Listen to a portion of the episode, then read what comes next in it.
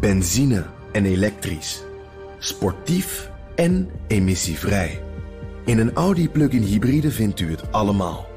Ervaar de A6, Q5, Q7 en Q8 standaard met quattro vierwielaandrijving. Wat u ook zoekt, u vindt het in een Audi. Audi. Voorsprong door techniek.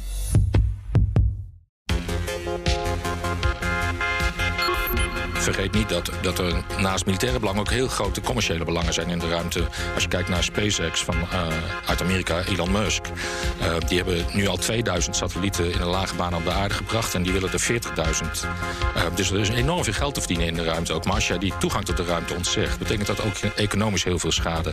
En het land dat het meeste schade zal ondervinden, zal de, Amerika zal de Verenigde Staten zijn. Dus je ziet wel een soort koude oorlog meer. Niet zozeer gewapend, maar wel in de vorm van capaciteit tegen elkaar opbouwen. Een soort wapenwedloop.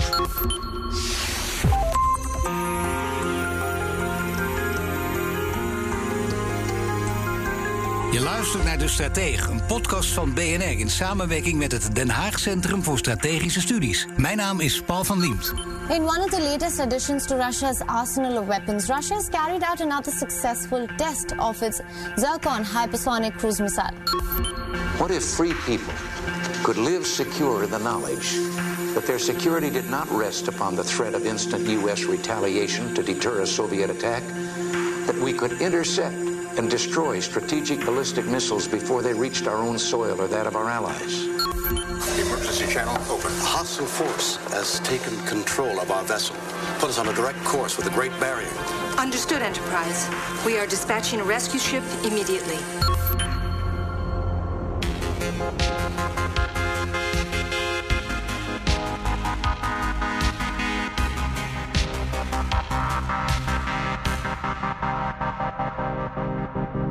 Met de meer dan 100.000 soldaten die Rusland langs de grens met Oekraïne heeft opgesteld, zou je bijna vergeten dat oorlogvoering tegenwoordig lang niet meer alleen een strijd is tussen soldaten en traditionele wapens.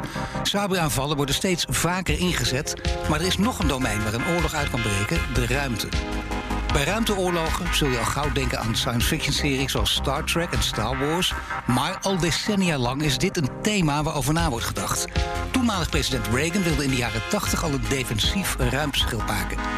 Voor het gebruik van de ruimte voor strategische doeleinden, zoals satellieten en ruimtevaart, zijn regels opgesteld. Maar voldoen die anno 2020 nog wel? Wat moet er aan veranderen? Hoe voorkomen we een ruimteoorlog en hoe waarborgen we onze veiligheid in de ruimte? Dat ga je horen in deze aflevering van de Stratege van mijn twee gasten. Patrick Bolder, strategisch analist bij Den Haag Centrum voor Strategische Studies. En Marten Zwanenburg, hij is hoogleraar militair recht aan de Defensieacademie en aan de Universiteit van Amsterdam omdat achter alle begrijpelijke noodkreten van de laatste weken, achter alle acties en alle emotie, zulke grote problemen en spanningen zitten dat we bewust de grenzen van het mogelijke opzoeken. Op het gevaar af dat we ons over een paar weken weer, dat ons over een paar weken weer jojo-beleid wordt verweten. Want we nemen vandaag, daar moeten we duidelijk over zijn, gewoon een risico. Ja, zeldzame hapering bij de premier. Het ging net voor jojo-beleid, niet voor niks waarschijnlijk. Eh, sinds woensdag mag er eindelijk wat meer. En ondanks de hoge besmettingsgraad is er versoepeld door het kabinet. Ja, omdat er dan weinig mensen in het ziekenhuis belanden naar verhouding. Heren, al op stap geweest, Marten Zwanenburg? Flink uh, uit het dak Eh, gegaan? nog niet, het is nog even wennen. Nog even wennen, nog niets gedaan. Nog een beetje in de lockdown-moed. Ja, ja, het is eh, stapje voor stapje. Maar wel blij toch met deze ja, opening? ja, super blij. Ook wou ik zeggen, nee, toch wel. Maar nog geen gebruik van gemaakt. Een beetje met uitstel. Ja, nee, maar de plannen zijn er wel. eh. Nou, ik gokte... Ja, wat voor plannen dan? Als ik Eh, nou, in ieder geval eh, uit eten, nu het weer kan. Zo, niet te gek gaan doen. ja. Nou, Patrick Bolder, die kennen we wel. Die, denkt, die hoopt natuurlijk dat de nachtclubs open gaan binnenkort. Maar dat is... nee. Nou, nee, Paul, maar musea, dat vind ik altijd wel heel leuk om naartoe te gaan. Ik Ja. heb er nog geen gebruik van gemaakt, moet ik zeggen. Maar ben je ook wel blij dat alles nu open gaat? Of vind je het allemaal veel te snel? Nee, ik ben, ik ben er wel blij mee. Ehm, maar eh, er zit natuurlijk ook een risico in. En wat eh, premier Rutte ook zei. Van, eh, laat- maar laat iedereen zich gewoon aan de maatregelen houden. Over handen wassen, afstand, mondkapje, et cetera, et cetera. Vaccineren. En dan gaat het allemaal veel sneller open. En daar heeft alleen maar iedereen baat bij, denk ik. Zo kennen we jou, een verstandige man. Eh, absoluut. Dankjewel. Emergency channel open. A hostile force has taken control of our vessel. Put us on a direct course with the Great Barrier. Understood, Enterprise. We are dispatching a rescue ship immediately. Bird of prey bearing 105, Mark 2. Ja, dit begrijpen we allemaal natuurlijk. Star Wars, Star Trek, dat denk je meteen aan bij oorlog in de ruimte. Maar het is iets heel serieus. En voor jullie natuurlijk gesneden koek. Voor veel mensen merk ik ook als ik erover praat, ook mensen van je verwacht, die hebben toch nog steeds niet zo in de gaten. Waar moet je rekening mee houden, Patrick? Waar, waar kun je aan denken bij oorlog in de ruimte? Ja, we zijn eh, voor onze algemeen leven op aarde, maar ook vooral ook voor onze militaire operaties heel erg afhankelijk geworden van wat er in de ruimte aanwezig is aan satellieten. Voor communicatie, voor navigatie en timing en voor eh, observatie wat gebeurt op het aardoppervlak. Ja. En door de jaren heen zie je eigenlijk dat het ruimtedomein geworden is van ehm, ehm, combat service support. Dus hoe zorg ik dat mijn militaire operaties kunnen doorgaan naar combat support? Hoe ondersteun ik militaire operaties? Is nu ook echt een combat ehm, eh, domein geworden. Echt, er worden daar oorlogen uitgevoerd. De Amerikanen denken er al over om hun satellieten van motoren te voorzien en van zelfbescherming te voorzien. om die kwetsbaarheid te verminderen. En dan is het wel handig om te weten van wie de ruimte is. Hè? In het kader van dit verhaal van Patrick en Marten Zwanenburg. Van wie is die ruimte? Nou, dat, dat, dat, dat kan je vrij kort beantwoorden, namelijk van niemand. Dat is namelijk een van de basisregels van het ruimterecht. eh, dat de ruimte zich niet leent voor toe-eigening. Dus de ruimte is van niemand en de ruimte is van iedereen. En dat betekent eh, voor militair gebruik van de ruimte dat iedereen de ruimte kan gebruiken. En dus ook voor, voor militaire toepassingen. Zij dat er wat beperkingen in het ruimterecht zijn. Oh, er zijn toch wat beperkingen. Want je wil bijvoorbeeld weten waar begint de ruimte. En dan puur wettelijk of juridisch gezien. Ja, nou dat. eh, eh, dan beginnen we meteen met. eh, met de, de, de, juridische discussies, want daar is niet overeenstemming over. Maar wat vaak als richtlijn wordt gebruikt, is ongeveer 100 kilometer. Dat is ongeveer waar eh, vliegtuigen niet meer kunnen vliegen. eh, en waar objecten in een baan om de aarde kunnen blijven. Maar dit is zo ingewikkeld. Dit is bijna ook een, een lawyer's paradise, denk ik. Hè? Want als je dan net... eh, ongeveer, dat betekent al heerlijk. Want dan zit je er net buiten of niet... kun je ellenlange discussies over voeren. Een rechtszaak heel lang over voeren. Is het echt zo gesteld? Ehm, ja, er, er, is, er is geen eh, juridische definitie van, van de ruimte. En, en dus is daar ruimte voor discussie. En dat geldt wel voor meer regels. Eh, dat de, vaak zijn de regels op zich wel duidelijk, maar die zijn eh, zo geformuleerd dat er nog wel wat ruimte voor interpretatie is. Ja, ruimte voor discussie, ruimte voor interpretatie. Ik zit een beetje toch in mijn achterhoofd eh, weer met, met de rechtszaal. Dan, dan is daar dus heel veel mogelijk nog. En ook heel veel onmogelijk. En het klinkt ook altijd gevaarlijk. Eh, ja, wil dat duidelijkheid. Klopt. Eh, dat, dat klopt. Eh, en het is dus wenselijk dat, er, eh, dat, dat daar meer eh, duidelijkheid komt. En dat kan ofwel door nieuwe regels aan te nemen, maar dat kan ook door meer overeenstemming te bereiken over hoe je de regels moet interpreteren. Eh, en je ziet dat met name op dat laatste vlak nu heel veel gebeurt. Eh, Dat is de richting van de beweging. Kun, kun je iets vertellen vast wat, wat daar gebeurt? Nou ja, uit- uiteraard zijn, eh, zijn staten met elkaar in overleg. Je hebt, eh, er zijn een aantal fora waar dat gebeurt. Misschien wel de belangrijkste is een commissie die- hangt onder de Algemene Vergadering van de Verenigde Naties, de zogenaamde COPUOS. Dat is waar staten met elkaar praten. Daarnaast heb je een aantal meer academische initiatieven waar nu aan gewerkt wordt. Twee handboeken.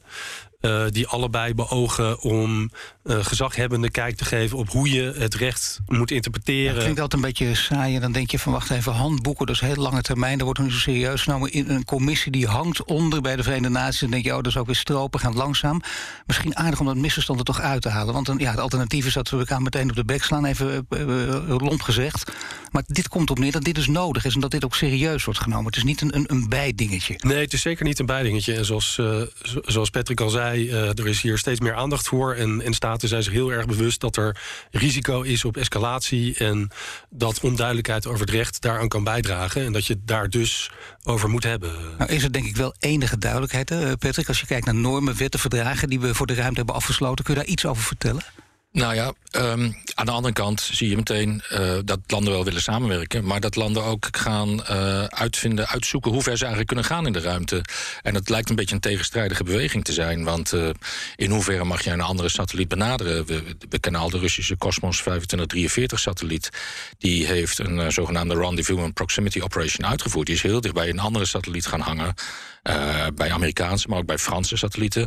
Wat bij de Fransen heeft eh, opgeroepen tot het feit van... joh, wij gaan ook een Space Force eh, lanceren. En in Frankrijk is er nu ook een, een lucht- en ruimtecommando opgericht. De Fransen hebben ook gesproken over het bewapenen van hun satellieten. Dus aan de ene kant zie je die regels die, die wel worden waar men, geprobeerd, waar men probeert om overeenstemming over te krijgen. Aan de andere kant zie je ook een heleboel uh, beweging om te kijken hoe ver werken die regels dan. Um, en, en wat de nieuwe technieken met hypersone raketten is, die maken een beetje gebruik van de overgang tussen lucht en ruimte. En, en wie is daar dan precies van? Hè? In de hele formele uh, juridische benadering zou tot die 100 kilometer, die van Karman-lijn, um, zijn de lidstaten verantwoordelijk voor wat zich precies boven hun grenzen bevindt. Maar we kunnen daar geen um, raketten uit de lucht halen, want de meeste luchtverdedigingssystemen die werken tot 100.000 voet, 35 kilometer of buiten de dampkring. En daar zit ook weer zo'n grijs gebied eigenlijk. En, uh, er is heel veel grijs gebied, heel veel grijs gebied, denk ja. ik wel in dit ja. verhaal. Nou ja, goed, als het een grijs gebied is, dan kun je natuurlijk ook uh, makkelijk gaan toeslaan. Of makkelijk, in ieder geval op, op slinkse wijze gaan toeslaan. Dat zien we gewoon in de traditionele oorlogvoering ook al. Uh, kun je, is, is het voorlopig een, een juridisch gevecht, wordt het uitgevochten of niet? Nou, het, het, is aan de ene kant een juridisch gevecht, aan de andere kant een technologisch gevecht eigenlijk. Wie vindt het snelste allerlei wegen om binnen de juridische regels toch meer macht te kunnen, kunnen uh, uitvoeren, oefenen over een ander zonder de regels te overtreden. En dat is eigenlijk een continue zoektocht. En het recht loopt een beetje achter, lijkt het wel, bij die technologische ontwikkeling. Altijd toch? Uh, altijd eigenlijk. Ja, ja, nee, dat idee had ik maar, ook. Ja. Maar het feit dat er nu ook de geopolitieke spanningen in de wereld zijn toegenomen. Kijk naar de Oekraïne, kijk naar de strijd tussen China en, en Rusland. Kijk naar Noord-Korea. Die hebben de afgelopen, deze maand, januari 2022, hebben die alweer tien lanceringen gedaan. Hè? Waarvan uh, in ieder geval twee ballistische raketten en twee hypersonenraketten beweren ze zelf tenminste, als ze dat kunnen. Um, dus ja, er is ook een een heleboel aan de hand waar die rechtsregels eigenlijk achteraan lopen. En dat is eigenlijk het spannende van, deze, van, van dit onderwerp eigenlijk waar we het nu over hebben. Nou ja, ik zou bijna zeggen, het is al spannend genoeg als we kijken in de traditionele oorlogvoering. Maar als je ziet inderdaad technologierecht, hoe zich dat ontwikkelt, het grote grijs gebied daarbij. We willen de boel hier niet opjuinen en, en op gaan naaien, om het ook weer even plat te zeggen. Maar voor de duidelijkheid, Marten Zwanenburg. Maar hoe groot is het gevaar voor een conflict in de ruimte op dit moment? Um, nou, ik denk dat uh, dat hangt natuurlijk samen met de, de, mogelijkheden en, en de wil van staten om op te treden. Uh, nou, je ziet dat er grote internationale spanningen zijn, dus dat, dat maakt het wat meer spannend. Uh, er zijn ook steeds meer mogelijkheden. tegelijkertijd zijn staten zich ook wel zeer bewust, denk ik, van de risico's van optreden in de ruimte. Eén daarvan is het veroorzaken van ruimtepuin. Uh, denk aan inderdaad de, de, de test die Rusland in november vorig jaar heeft uitgevoerd... Uh, door een eigen satelliet uh, te, te, vernietigen. Dat ja. heeft geleid tot ehm, naar schatting meer dan 1500 grotere stukken ruimtepuin... die nu door de ruimte vliegen. Het, uh, maar mag ik even, wat, wat voor voorstelling moet ik me daarbij maken? Dat er, dat er ruimtestukken, door, dat er, dat er puinstukken door de ruimte vliegen. Ja. Is dat lastig als ik zo meteen wegfiets hier? Moet ik een beetje uitkijken of niet? Um, nou, dat risico is vrij klein, maar, maar in de ruimte is het wel degelijk een groot gevaar. Um, en dat blijkt ook, uh, uh, de, de ruimtestation heeft al moeten uitwijken voor dat Russisch ruimtepuin. en er, er is veel meer ruimtepuin, ook door als gevolg van andere testen, maar ook van andere botsingen in de ruimte. En uiteindelijk is het risico dat er een soort kettingreactie ontstaat, uh, waardoor er meer botsingen optreden. Meer, nog meer ruimtepuin is en zo steeds meer botsingen. Waardoor je uiteindelijk het zo zou kunnen zijn dat niemand meer toegang heeft tot de ruimte. En dat is iets wat, wat staten ook niet willen. Nou ja, je zou bijna zeggen dat zou ook een oplossing inderdaad zijn. Dat het zo ver gaat dat, uh, dat je bijna in, in de ruimte immuun bent geworden en dus veilig. Ja, om eens een rare vergelijking te maken. Uh, ja, dat, dat, is, dat is een extreme uh, oplossing, maar ook niet echt een oplossing. Want dat betekent dat alles waarvoor we hier op aarde afhankelijk van zijn van de ruimte, denk aan uh, navigatie, denk aan communicatie, denk aan het banksysteem, dat we daar dan ook geen toegang meer toe hebben.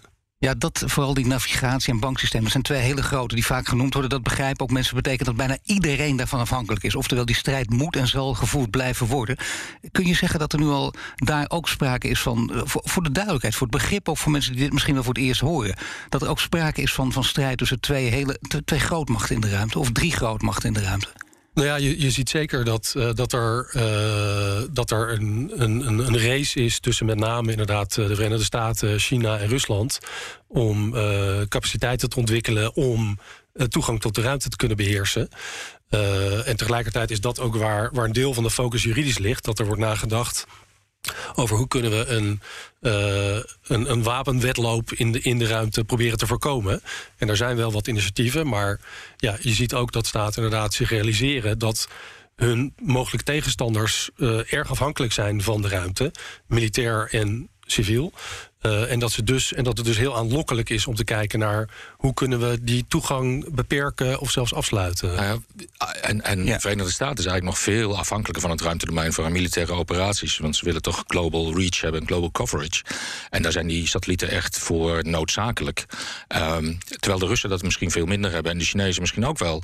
Dus als je de Amerikaanse, als je überhaupt alle uh, ruimtemiddelen kunt uitschakelen van iemand anders, uh, van de Amerikanen, dan hebben die een hele grote achterstand opeens. Terwijl de Russen en de Chinezen nog behoorlijk autonoom zonder dat ruimtedomein militair kunnen optreden. Maar toch hoor ik wel van Marten Zwanenburg, zijn wel de bekende partijen weer. China. Nou ja, ook Rusland. India, Pakistan, uh, Israël. Maar de EU ook? Um, de EU is nu bezig met het ontwikkelen van een strategisch kompas onder het Franse voorzitterschap. En daar willen ze in maart, april uh, besluitvorming over hebben. En daar is eigenlijk voor het eerst ook in dat defensie- en veiligheidsbeleid het ruimtedomein als een belangrijk domein genoemd. Ook voor Europese veiligheid. Dus dat begint nu eigenlijk te lopen. En ook in het kader van capaciteitenontwikkeling. Er moet een nieuw zogenaamd headline goal proces. Welke, welke taken moet de EU uitvoeren? Uh, welke missies moeten ze kunnen uitvoeren? Wat is daarvoor nodig? Wat hebben de landen? En wat moet vervolgens uh, aan nieuwe capaciteiten ontwikkeld worden door de landen? En het ruimtedomein vindt daar nu ook een hele belangrijke plaats in.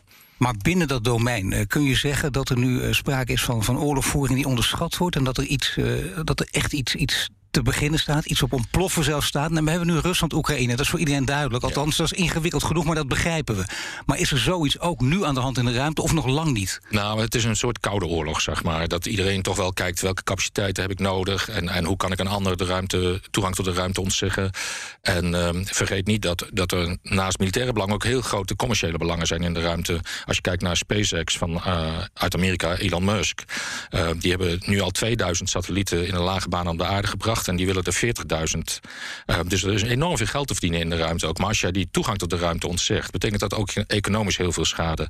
En het land dat het meeste schade zal uh, ondervinden, zal de, Amerikaan, zal de Verenigde Staten zijn. Dus je ziet wel een soort koude oorlog meer. Niet zozeer gewapend, maar wel in de vorm van capaciteiten tegen elkaar opbouwen. Een soort wapenwetloop. Een wapenwetloop, maar dan gaat het ook altijd, dat weten jullie als geen ander, want het is, ik, ik kan maar zeggen, dit is jullie onderwerp. Daar gaat het altijd over urgentie. Als je wil dat er veel aandacht voor komt, dat is dan belangrijk. En er moet er wel iets aan de hand zijn. En helaas is dat meestal het geval als er grote ongelukken gebeuren. Marten Zwanenburg, kun je zeggen dat er zoiets aan de hand is om de urgentie op te wekken? Um, nou ja, er is, het, zoals ik al zei, het, risico op ongelukken wordt denk ik steeds groter. Um, ik, ik, denk dat de, de meest recente Russische test, uh, het uh, uit, uit de ruimte schieten van een eigen satelliet, dat dat ook wel denk ik een belangrijke rol heeft gespeeld. Uh, maar in het kader van die Koude Oorlog, als je ziet dat uh, Amerika steeds verder gaat, vanwege ook de grote commerciële belangen, dat kennen we denk ik allemaal, dat is vrij vaak in het nieuws. Maar daar willen de anderen ook wat tegenover stellen. En gebeurt dat ook? Uh, nou ja, er is zeker uh, er is veel aandacht voor commerciële mogelijkheden van de ruimte. Ook uh, mijnbouw in de ruimte bijvoorbeeld. De, de gedachte is dat er, dat er grote schatten bijvoorbeeld aan hele bijzondere grondstoffen op de maan en uh, andere hemellichamen zijn die, die je zou kunnen ontginnen. En daar wordt nu heel erg naar gekeken. En ook daar zie je weer dat er wordt nagedacht. Daar, daar zijn nog niet echt. Er is nog niet echt een juridisch raamwerk voor dat er wordt nagedacht over hoe kunnen we dat in goede banen leiden. Zonder dat het een soort wild west wordt waarin iedereen uh, zijn eigen ding gaat doen... en je dus inderdaad weer het risico loopt dat dat gaat botsen. Maar dat is het nu nog niet. Ik bedoel, als je nu denkt, is er iets groots aan de hand? Ik zeg, ja, hier uh, op, op, op, op aarde wel. We kijken naar Rusland en Oekraïne. Zo'n dergelijk conflict is niet op deze manier gaande in de ruimte. Nee, ik, ik, denk dat, dat, zoals Patrick zei, dat, dat het inderdaad meer een, een, een koude oorlog is. waarin uh, staten met name bezig zijn om te testen en dingen te ontwikkelen. Uh, die, ze, die ze zouden kunnen gaan gebruiken. En ondertussen even wachten op die handboeken en uh, die onderliggende commissie bij de Verenigde Naties. Nee, maar ik bedoel, daar, daar moet wel wat tempo in komen, of niet? Nou ja, het, ik wil het wel gewoon een klein beetje nuanceren. Je ziet, uh, dit is niet de eerste keer dat er nieuwe technologie is of een nieuw domein. Uh, en je ziet altijd inderdaad dat, dat het recht een beetje achterloopt en dat er wat tijd nodig is om te kijken naar hoe. Uh, hoe moeten we daar juridisch mee omgaan? Denk aan het cyberdomein bijvoorbeeld. Daar uh, was eerst ook waar de grote vragen... Is, daar, is het recht dat we hebben daar überhaupt van toepassing? Hebben we daar nieuwe verdragen voor nodig? En je ziet de afgelopen jaren dat steeds meer nog steeds geen volledige consensus ontstaat over welk recht daar nou van toepassing is, maar dat er wel iets meer duidelijkheid komt. En ik denk dat hetzelfde geldt voor de ruimte. Uh, dat met, met iets meer tijd dat het wel iets duidelijker zal worden. En ook duidelijker zal worden of we met uh, het interpreteren van het recht dat we hebben, dat vaak niet geschreven is specifiek voor de ruimte, of dat voldoende is, of dat we inderdaad nieuwe regels nodig hebben. Bijvoorbeeld, zoals sommigen zeggen, uh, is er een verbod nodig op het testen, kinetisch testen van antisatellietcapaciteit, zoals sommigen nu roepen, met name naar aanleiding van die Russische test. Uh. Dat begrijp ik allemaal. Maar dan nog, uh, Patrick noemde ook één duidelijk voorbeeld. Hè, als het gaat over commerciële belangen, maar hier loopt ook alles door elkaar, namelijk het Starlink-programma van, van Elon Musk. En dat kan inderdaad in het kader van die Koude Oorlog wel wat gaan oproepen. Er zijn dan niet duidelijke, herkenbare en benoembare tegenkrachten gaande? Dat je zegt, Rusland heeft ook een programma, dat heeft die en die naam... en dat, die probeert daar eh, dat te overtreffen, of China? China, wel. Die is nu ook bezig om te kijken of ze een uh, commerciële uh, constellatie kunnen opzetten. Maar uh, waar, Martin het over had, hè, die cyberdimensie... en daar beginnen we nu meer begrip voor te krijgen, ook in juridische zin. Attributie, dus wie doet iets aan, wie doet jou iets aan, dat is altijd heel erg moeilijk. zeker in het cyberdomein, maar ook in het ruimtedomein. Dus dat vraagt niet alleen dat jij uh, aanwezig bent in het ruimtedomein om jouw militaire operaties te ondersteunen, om jou gewoon jouw leven op aarde te ondersteunen. Maar je wil ook naar de aarde kijken van wie doet uh, wie doet lanceringen? Um, en daar is het ruimtedomein ook uh, essentieel voor. Met name met die nieuwe hypersone raketten die worden afgevuurd. Of die worden afgeschoten. En die wil je al heel snel volgen. Want die gaan enorm snel. Die gaan tussen de 5 en de 10 of misschien wel 20 keer de snelheid van het geluid. Dat betekent dat je heel weinig voorwaarschuwingstijd hebt. Radars op de grond kunnen ze niet zien aankomen. Dus daar heb je echt het ruimtedomein voor nodig. En daar zie je dat het heel belangrijk wordt dat je daar bent. Um, maar als jou ook de toegang tot het ruimtedomein kan worden ontzegd... en dat was die Russische anti-satelliettest echt een demonstratie van... Uh, joh, je denkt wel dat je hegemonie hebt in de ruimte, Amerika... maar dat is helemaal niet zo. We kunnen je ook blind maken in de ruimte. Kijk, dan is dat wel weer een nieuwe grens die overschreden wordt. En dat heb je niet direct over oorlog, maar je hebt het wel over opbouwende spanningen. Nee, zeker. Nou ja, koude oorlog, wat jullie ja. beiden benoemen, is het, ja. de juiste term, zeker in dit geval. Uh, ik, ik, vraag me wel steeds ook af, dit is allemaal in ontwikkeling. Het is ook logisch, het is ook geen disqualificatie van juristen... dat ze achterlopen op technologie, omdat het altijd het geval is. Maar daar hoort wel een maar bij. Namelijk zijn er genoeg goed gekwalificeerde juristen... die dit nog in de gaten hebben, die hier oog op hebben. Er zijn een heleboel mensen die in ieder geval geïnteresseerd zijn in dit onderwerp. Uh, ik zie Martin al lachen. En dat is ja. natuurlijk ook zo. We hebben, we hebben ook een, een intern overleg in Nederland daarover. En, en internationaal ook. Um, maar om alle neus op één lijn te krijgen, in één richting te krijgen, dat is nog wel erg moeilijk volgens mij. Omdat juist die landen ook hun eigen belangen um, ook heel belangrijk vinden. Dat is natuurlijk ook logisch. En het wereldbelang uh, um, en, en, geopolitieke spanningen. In hoeverre worden zij ook gesteund door hun eigen politici om grote stappen te maken. Kijk, dat zijn nou natuurlijk allemaal om overwegingen waar de juristen mee overweg moeten. Mag ik even Mark te vragen, waar kwam deze lach vandaan? Dat er inderdaad een, een tekort is aan juristen? Het is natuurlijk een vak in ontwikkeling, zou ik bijna zeggen, althans op het hoogste niveau. Ja, nou ja, het internationaal recht is natuurlijk, uh, als je het vergelijkt met het recht in het algemeen, is, is een vrij kleine tak van ja. sport. Uh, en daarbinnen zijn de mensen die uh, zich bezighouden met het ruimterecht. Uh, is, nog maar, is nog een kleine, kleine afdeling, maar je ziet dat er wel steeds meer aandacht voor komt. En ik denk dat het inderdaad uh, ook wel belangrijk is dat uiteindelijk, als het gaat over het maken van nieuwe regels, zoals Patrick zegt, dat is uiteindelijk een een politiek iets. Uh, dat is niet wat, wat juristen uit zichzelf doen. Dat doen ze namens, namens hun land. En daar moeten ze politieke ruggensteun voor hebben. Uh, dus ik denk dat dat ook een heel belangrijk aspect is. Uh. Dus moet je in ieder geval op je hoede zijn. Zorgen dat je een sterke verdediging hebt. Laten we eens even luisteren hoe dat kan. What if free people could live secure in the knowledge that their security did not rest upon the threat of instant U.S. retaliation to deter a Soviet attack? That we could intercept and destroy strategic ballistic missiles before they reached our own soil or that of our allies. I know this is a formidable technical task, one that may not be accomplished before the end of this century. Yet current technology has attained a level of sophistication where it's reasonable for us to begin this effort. Ja, dit was op het hoogtepunt van de Koude Oorlog. Toen lanceerde toenmalig president Ronald Reagan zijn Strategic Defense Initiative. En hiermee wil hij uh, komen tot een raketschild in de ruimte. Dat, daar werd iedereen ook een beetje vertrouwd mee. Het werd in de volksmond zelfs uh, Star Wars genoemd. En het was voor die tijd futuristisch. En mensen dachten, waar gaat het over? Maar het zal wel belangrijk zijn, zeker als het zo gebracht werd. Uiteindelijk kwam het er, kwam het er niet. Uh, zou, zou iets nu wel kunnen op deze manier? Of is dit te ver gezocht, Patrick? Ja, het is eigenlijk alweer verouderd. Um, ja. ballistische raketten die, die vuur je af en die Uh, die gaan ook heel hard hoor. Maar die komen 1200 kilometer boven het aardoppervlak en vallen dan in een voorspelbare baan weer terug. Dus je kan dan heel snel met computers berekenen waar is mijn point of impact. Waar, wat is het doel wat ze willen reiken, bereiken. En ik kan de raket op afvuren, want ik weet precies waar ze op dat tijdstip zullen zijn. Dat is niet makkelijk, maar we hebben wel bewezen dat we dat kunnen. De Amerikanen kunnen dat. En ook met behulp van Nederlandse radarapparatuur trouwens... kan die positionering heel goed uh, gebeuren. Maar nu uh, is er een nieuwe uh, ster aan het firmament, zou ik willen zeggen. En dat zijn die hypersone raketten waar ik het al eerder over had. Die zijn ook nog een keer manoeuvreerbaar. Um, ze vliegen lager, waardoor je ze later ziet. Daarom heb je dat ruimtedomein nodig voor die uh, detectie. Maar ze vliegen lager en ze vliegen ook heel snel. En ze zijn nog eens een keer manoeuvreerbaar ook. En dat is eigenlijk ontwikkeld juist omdat dat um, Strategic Defense Initiatief, dat raketschild van de Amerikanen er zou komen, hebben de Russen al bedacht van ja, daar moeten we toch al een antwoord op gaan vinden. Ja. En de Chinezen hebben dat uh, afgelopen zomer ook al bewezen, hun Fractional Orbital Bombardment System, zoals ze dat noemen. Dan stuur je zo'n hypersone raket uh, de ruimte in. Die valt terug naar zo'n zo rond de 100 kilometer. Dus dan zit je al een beetje in een grijs gebied. Is dat nou ruimterecht of is dat landenrecht? En die kan dan op, aan, op de top van de atmosfeer een beetje gaan uh, zweven en zijn koers veranderen. En uiteindelijk ergens neerkomen waar jij niet van tevoren kunt voorspellen. Juist omdat die manoeuvreerbaar is.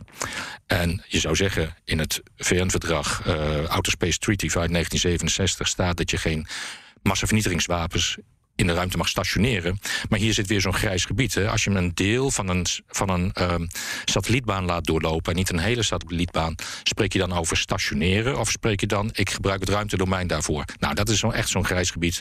wat, wat de juristen zullen moeten uitpluizen hoe dat, uh, hoe dat werkt. Ja, tussen de neus en, regels, uh, neus en lippen door hoor ik wel een belangrijke... tussen de regels door kan ik beter zeggen... hoor ik wel een hele belangrijke, namelijk China. Ook hier weer, dat komt ja. in dit hele gesprek steeds naar voren... China een hele grote speler, een steeds grotere speler aan het worden. Kun je dat ook zeggen? Misschien wel de of gaat ik te ver? Nou, China heeft een enorme inhaalslag gemaakt. En uh, die zijn. Uh, denk ik nu al net zo werk als de Amerikanen. Als je ziet hoeveel ze hebben afgelopen jaar hebben ze 200 raketlanceringen ja. gedaan. Um, ze hebben een lander op de maan gebracht. Ze zijn, uh, ze zijn op Mars. Um, ze zijn al sneller dan de Amerikanen aan het gaan. En met name die exploraties. We zien ook echt, wat Martin ook zei... die asteroïdes en, en de hemellichamen die kunnen worden gemined. Zeldzame grondstoffen kun je daar vandaan halen. Dat is een enorme markt. Um, en China heeft wat dat betreft echt wel die lange termijnvisie. De aarde is op een keer uitgeput, dus je zult je grondstof ergens anders vandaan willen halen. En als jij de eerste bent die dat doet, dan heb je de markt in handen. Dus het is ook echt wel een economische factor. En dat zien ze goed en daarom lopen ze zo hard op dat gebied. Nou, belangrijk om heel hard mee te lopen. Belangrijk ook om, om de veiligheid te garanderen. Hoe dan ook. We hebben al iets gehoord over initiatieven om die ruimte veilig te houden. Maar liggen er heel veel initiatieven, Martens Hanenbrug? Of zijn er maar een paar?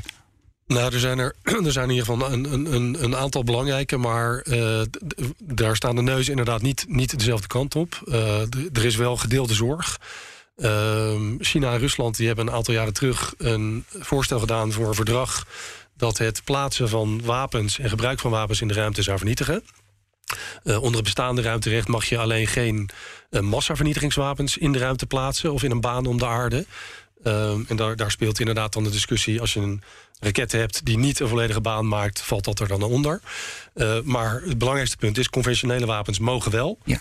Uh, nou, China en Rusland hebben, hebben dat voorstel gedaan. Uh, daar, met name vanuit westerse landen, is daar wel kritiek op gekomen. Die zeiden: ja, dat conceptverdrag dat voorziet niet in verificatie, dus in het mechanismes om te kunnen checken of andere landen zich daar ook kunnen houden. Um, en aan de andere kant zie je initiatieven die meer gericht zijn, niet zozeer op soorten wapens of verboden van specifieke dingen, maar die meer gaan over uh, gedrag in de ruimte. En een voorbeeld daarvan is uh, initiatief in de Algemene Vergadering van de VN. Op uh, initiatief van het Verenigd Koninkrijk. waar men nu weer meer wil gaan kijken naar wat, wat hebben we nou gedeelde. Kunnen we gedeelde visie krijgen op wat zijn bedreigingen van ruimtesystemen in de ruimte en wat we daaraan zouden kunnen doen. Maar dat betekent wel dat je. Is, is dit hetzelfde als oude verdragen oppoetsen? Of is dit echt een heel nieuw verhaal? Want vorig jaar kwam ook dat bericht naar buiten hè, dat de Verenigde Naties dat willen doen. Um, nou ja, dat, dat, dat zal moeten blijken. Um, ja, zoals ik al zei, bij nieuwe technologische ontwikkelingen is het altijd de vraag: kan je het, het recht dat bestaat, kan je dat zo een beetje interpreteren uh, dat, dat je het werkbaar kan maken voor, voor die nieuwe ontwikkelingen? Of heb je toch echt nieuw recht nodig? En daar zullen staten inderdaad overeenstemming over moeten bereiken. Maar goed, staten zullen overeenstemming moeten bereiken. Hier is het ook. Dit is uh, in, in, tijden van Koude Oorlog in de ruimte, hè, want dat hebben we in het begin van dit vraag geconstateerd. Dan wil je weten hoe het ook op dit gebied ervoor staat. Nu is ook hier China de, de voorloper, want China heeft wel een lange termijn politiek en de anderen hebben dat niet, die zijn verdeeld. Nou, ik, ik, ik, ik, denk niet dat er, dat er wat dat betreft vanuit juridisch uh, oogpunt één specifieke voorloper is. Er zijn meer, is denk ik een tot op zekere hoogte gedeelde zorg, maar verschillende uh, kijken op hoe je daar mee om moet gaan. En één is inderdaad Eén is een nieuw verdrag dat specifieke dingen verbiedt. En een ander, andere kijk erop is, we gaan kijken naar hoe staten zich gedragen in de ruimte. Uh, en we hopen overeenstemming te kunnen bereiken over het feit dat je bepaalde dingen niet zou mogen moeten doen in de ruimte. Zoals bijvoorbeeld uh, kinetische testen om satellieten te vernietigen, omdat daar nog meer ruimtepuin door ontstaat. Ja, maar zie je dan bijvoorbeeld in Europa dat er wel overeenstemming is? Of zoals Marten dan zegt, dat alle neuzen dezelfde kant op moeten staan, ook uh, daar? Nou, ik, ik heb de indruk dat Europa wel heel erg veel kijkt naar, naar naar de veiligheid in de ruimte en de veiligheid van de ruimte. Um, maar of er nou echt Europese initiatieven zijn, dat heb ik nog niet gevonden. Um, wat denk ik wel aardig is om te zeggen, dat we in Nederland eigenlijk best wel ver zijn met, met ruimterechtontwikkelingen. Um, wat Martin ook van de universiteit hier in Amsterdam, maar ook de Universiteit van Leiden heeft een belangrijke leerstoel, uh, of een faculteit eigenlijk op het gebied van ruimterecht. En wat dat betreft lopen we in Nederland hebben we een hele goede naam. En ik denk ook dat we dat op een of andere manier internationaal ook goed zouden kunnen gebruiken. Juist om een slinger te geven aan die ontwikkeling van het ruimterecht. Dat is heel interessant. Verrassend bijna vind ik dat. Het Nederland ook eh, hier, voor, althans Nederland hiervoor uitloopt. We zien nu hoe belangrijk dat is. Ook met het, juist met het oog op de lange termijn. En ook hier zie je dan weer dat de EU een steeds crucialere rol gaat. Eh, ook in de traditionele verhoudingen kan gaan innemen als ze het goed doen. Maar hier, lopen ze, hier doen ze het nog niet zo goed. Heb ik dat goed begrepen? Maar, maar de ruimte is ook geen communitair gebied hè, in de EU. Daar hebben we geen, geen, geen commissaris voor. En, nee, dat is duidelijk. Maar vanuit het idee dat, dat China wel een plan heeft voor de lange termijn. Dan zou je verwachten, daar wil je wel iets tegenover stellen. Nou ja, in tijden van Koude Oorlog. Ja, wat ik al zei, in dat strategisch kompas wordt in ieder geval nagedacht over wat is de waarde van het ruimtedomein en willen we daar toegang toe houden? Willen we het veilig houden voor, voor afval, voor debris, zoals uh, Martin zei? Die, die stukken van satellieten die allemaal kapot worden geschoten en die weer andere satellieten kunnen raken. Dat zogenaamde Kessler-syndroom, zo'n domino-effect. Maar ook hoe houden we onze eigen middelen veilig tegen verstoringen die in de ruimte zijn. Maar ook hoe gebruiken we de ruimte om de veiligheid op aarde uh, te kunnen garanderen. En dat zijn eigenlijk drie verschillende aspecten van veiligheid in, van en, en vanuit de ruimte. Ja, en, en het is allemaal wel complex, want er zijn zoveel belangen eigenlijk die tegelijkertijd spelen, zowel civiel als militair. Um, maar ik denk dat de EU is misschien wel een hele goede instantie om daar een leidende rol in te nemen. Alleen daar lijkt het nog niet zo te leven op het niveau van de, van de staatshoofden. Die toch eigenlijk die slinger eraan moeten geven. Nee, maar dat is het. Dat, ja. dat, dat, daarom ook mijn vraag aan jullie al eerder in dit gesprek. Hoor, van waar haal je de urgentie vandaan? Want vooral als Nederland ook een, een, ja, een voorname rol hierin speelt. Ook een wetenschappelijk gebied, een koploper misschien wel is in Europa. Wat, wat zou er dan kunnen gebeuren, Marten? Um, nou ja, ik, ik, ik, denk dat je dan. Uh, ja, hopelijk dat dat, dat, dat als, als, als er inderdaad meer urgentie wordt ervaren, dat je dan ook grotere stappen, dat er ook meer politieke wil is om te komen tot uh, initiatieven om meer overeenstemming te bereiken, zij het door, uh, door middel van nieuwe regels of niet. Uh, maar ja, daar, daar heb je dan inderdaad wel A, die urgentie voor nodig. En B, de politieke wil om dat te doen. En die twee zijn denk ik met, of, met elkaar verknoopt. Nou, je hebt naar het regeerakkoord gekeken. Het begint nu allemaal een beetje vorm te krijgen. Het is allemaal nog in een beginstadium, dus er is nog niet heel veel over te zeggen. Maar toch, hebben jullie de indruk dat, dat Defensie bijvoorbeeld ook hierop in wil zetten? Ook weet dat Nederland hier een koploper kan zijn zelfs, Marten? Ja, koploper weet ik niet. Je, ziet wel de afgelopen jaren dat er steeds meer aandacht voor is. Er is sinds vorig jaar een uh, ruimteveiligheidsbeleid uh, van het kabinet. Uh, dat, dat, is een belangrijke eerste stap. Defensie is hier ook over nadenken. Er zou een, moet nog een ruimteagenda komen van Defensie. Die, die hopen we nou ik hoop later dit jaar te zien. We, we oh, die komt er wel aan. Die, die is wel aangekondigd. Die, die is aangekondigd. Die, sterker nog, die zou er al zijn. Uh, ja, maar het geeft in ieder geval aan dat er over wordt nagedacht. Ja, nee, dat is waar. Maar bijvoorbeeld een, een staatssecretaris van, uh, van Ruimtedefensie, dat gaat er een stap te ver? Uh, dat, dat, dat, zie ik nog niet zo snel gebeuren. is ook niet nodig? Ja, wie, ja, dat is een beetje buiten, buiten, buiten mijn terrein. Nou, nee, nee, natuurlijk niet. Jij ja. denkt hier al vandaan. Ik bedoel, ja. kom op. Een man met de brede kennis. Stel dat jij hier premier bent en jij zou het voor het, voor het zeggen hebben. Zou je zeggen, dat moeten we doen? Nou, ik, ik denk dat het voor, vooral van belang is dat, dat degenen die zich binnen Nederland bezighouden met de ruimte, dat, dat die goed samenwerken. En ik denk dat daar dat ruimteveiligheidsbeleid uh, ook onderstreept dat die samenwerking er moet zijn. Dan heb je het over het ministerie van Economische Zaken, die nu een grote speler is op ruimtegebied. Je hebt het over Defensie, Buitenlandse Zaken.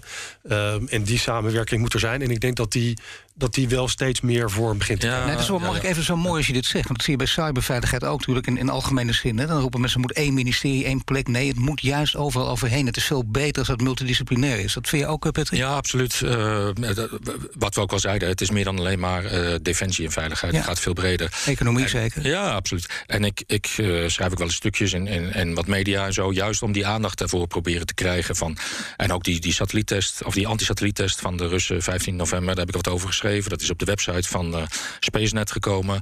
Um, ik probeer de NSO erbij te betrekken. Ik probeer onderzoeksinstituten zoals ja. TNO en ook NLR, Koninklijke NLR moet ik zeggen. Uh, Defensie, uh, buitenlandse zaken. Dat, dat moet allemaal met elkaar samenwerken. willen we stappen vooruit maken. Want je kan ook niet het ruimtedomein scheiden in een civiel deel en een, en een militair deel. Ja, maar juist omdat het zo complex is, wat je ook al een paar keer gezegd hebt, en die indruk krijg ik ook, en weet ik wel zeker dat het ook zo is. Dan moet je, het is zo, je moet het ook zo vermelden, ja. maar dan is het nog lastiger om daar mensen warm voor te krijgen. Wat is jouw indruk als je hier, je bent op dit gebied uh, echt een voorloper die nu probeert dit echt bij ieder uh, ja. die het toe doet onder aandacht te brengen. Um, geleidelijk aan is er steeds meer aandacht voor. En ook die, die veiligheidsparagraaf in het algemene ruimtebeleid. Daar hebben we ook al aangewerkt vanuit de luchtmacht toen ik daar nog werkzaam was. Om via de Netherlands Space Office, zeg maar, het kantoor, de samenwerkings. Uh, uh, vorm van het ministerie Economische Zaken, uh, OCW, Verkeer en Waterstaat, om daar ook die veiligheidsparagraaf in het ruimtebeleid te krijgen. En nu zie je dat ook Buitenlandse Zaken dat in een kabinetsreactie heeft verwoord. Defensie is bezig met die uh, ruimteagenda. Dat zou eerst een strategie of een beleid worden, maar dat is wat afgezwakt, omdat er ook daar financiële middelen eigenlijk de, de, basis zijn voor wat wil je. Um, maar ik probeer daar wel aan alle kanten. Um, rugbaarheid aan te geven om die urgentie inderdaad te onderstrepen. En geleidelijk aan zie je dat toch wel gebeuren. Ja. En is het zo groot uiteindelijk, en ik snap dat het ook niet meteen kan, maar zo groot uh, dat je ook uh, de vergelijking met klimaatverdragen kunt gaan trekken? En dan denk je ook meteen aan internationale toppen op dit gebied? Ja, idealiter wel. En uh, leuk dat je klimaat noemt. We hebben als Nederland ook een hele mooie satelliet. Dat is de Topomi-satelliet uh, ontwikkeld. Die juist klimaatstudie doet. Dus ook daar zie je weer dat Nederland uh, best wel een belangrijke rol kan spelen. om juist die verbinding te doen tussen ruimte en veiligheid op aarde. En of dat nou economische veiligheid is, militaire veiligheid, klimaatveiligheid. Al die dingen die moeten ook bij elkaar komen. En wat dat betreft zou ik zeggen, in Nederland is daar best wel een mooi ecosysteem voor. En ook in de bouw van ruimtetoepassingen hebben we in Nederland... en met name in de provincie Zuid-Holland ook een heel mooi ecosysteem. Dus wat is het mooie om dat bij elkaar te brengen, zowel beleidsmatig als in de uitvoering, want dan kan je in je beleid ook zorgen dat je je economie ondersteunt. En goede kennisinstituten en dan ook ja, een hoogleraar die, uh, die werkt aan de Universiteit van Amsterdam, daar neem ik aan ook colleges geeft. En dan komt dit ook ruim naar voren in de colleges met veel aandacht van studenten, of niet? Uh, ja, je ziet dat, dat de, dit komt inderdaad ook in, in colleges naar voren. Je ziet dat studenten daar, daar interesse in hebben. Uh, en ja, het is natuurlijk het is, het is spannend. Het, het, raakt aan heel veel rechtsgebieden. dus dat is zeker zeker, eh, zeker uh, interessant voor studenten. En, en je ziet dat er, nou, dat er ook steeds meer studenten daar dan iets meer, verder mee willen. En zich daarin willen specialiseren. En dat, uh, dat, moedig ik, dat moedig ik zeker aan. En na dit gesprek nog veel meer, denk ik. Hè? Dat gaat echt helemaal vol. Dat hoop ik Dan kunnen ze gewoon niet in de, in, de, in de banken zitten. Hartelijk dank Marten Zwanenburg, hoogleraar militair recht aan de Defensieacademie en aan de Universiteit van Amsterdam. En Patrick Bolder, strategisch analist bij Den Haag Centrum voor Strategische Studies. Wil je meer afleveringen van de Stratege terugluisteren? Je vindt hem op Apple Podcasts en Spotify, maar ook in de BNR BNR-app of op bnr.nl. Tot de volgende keer.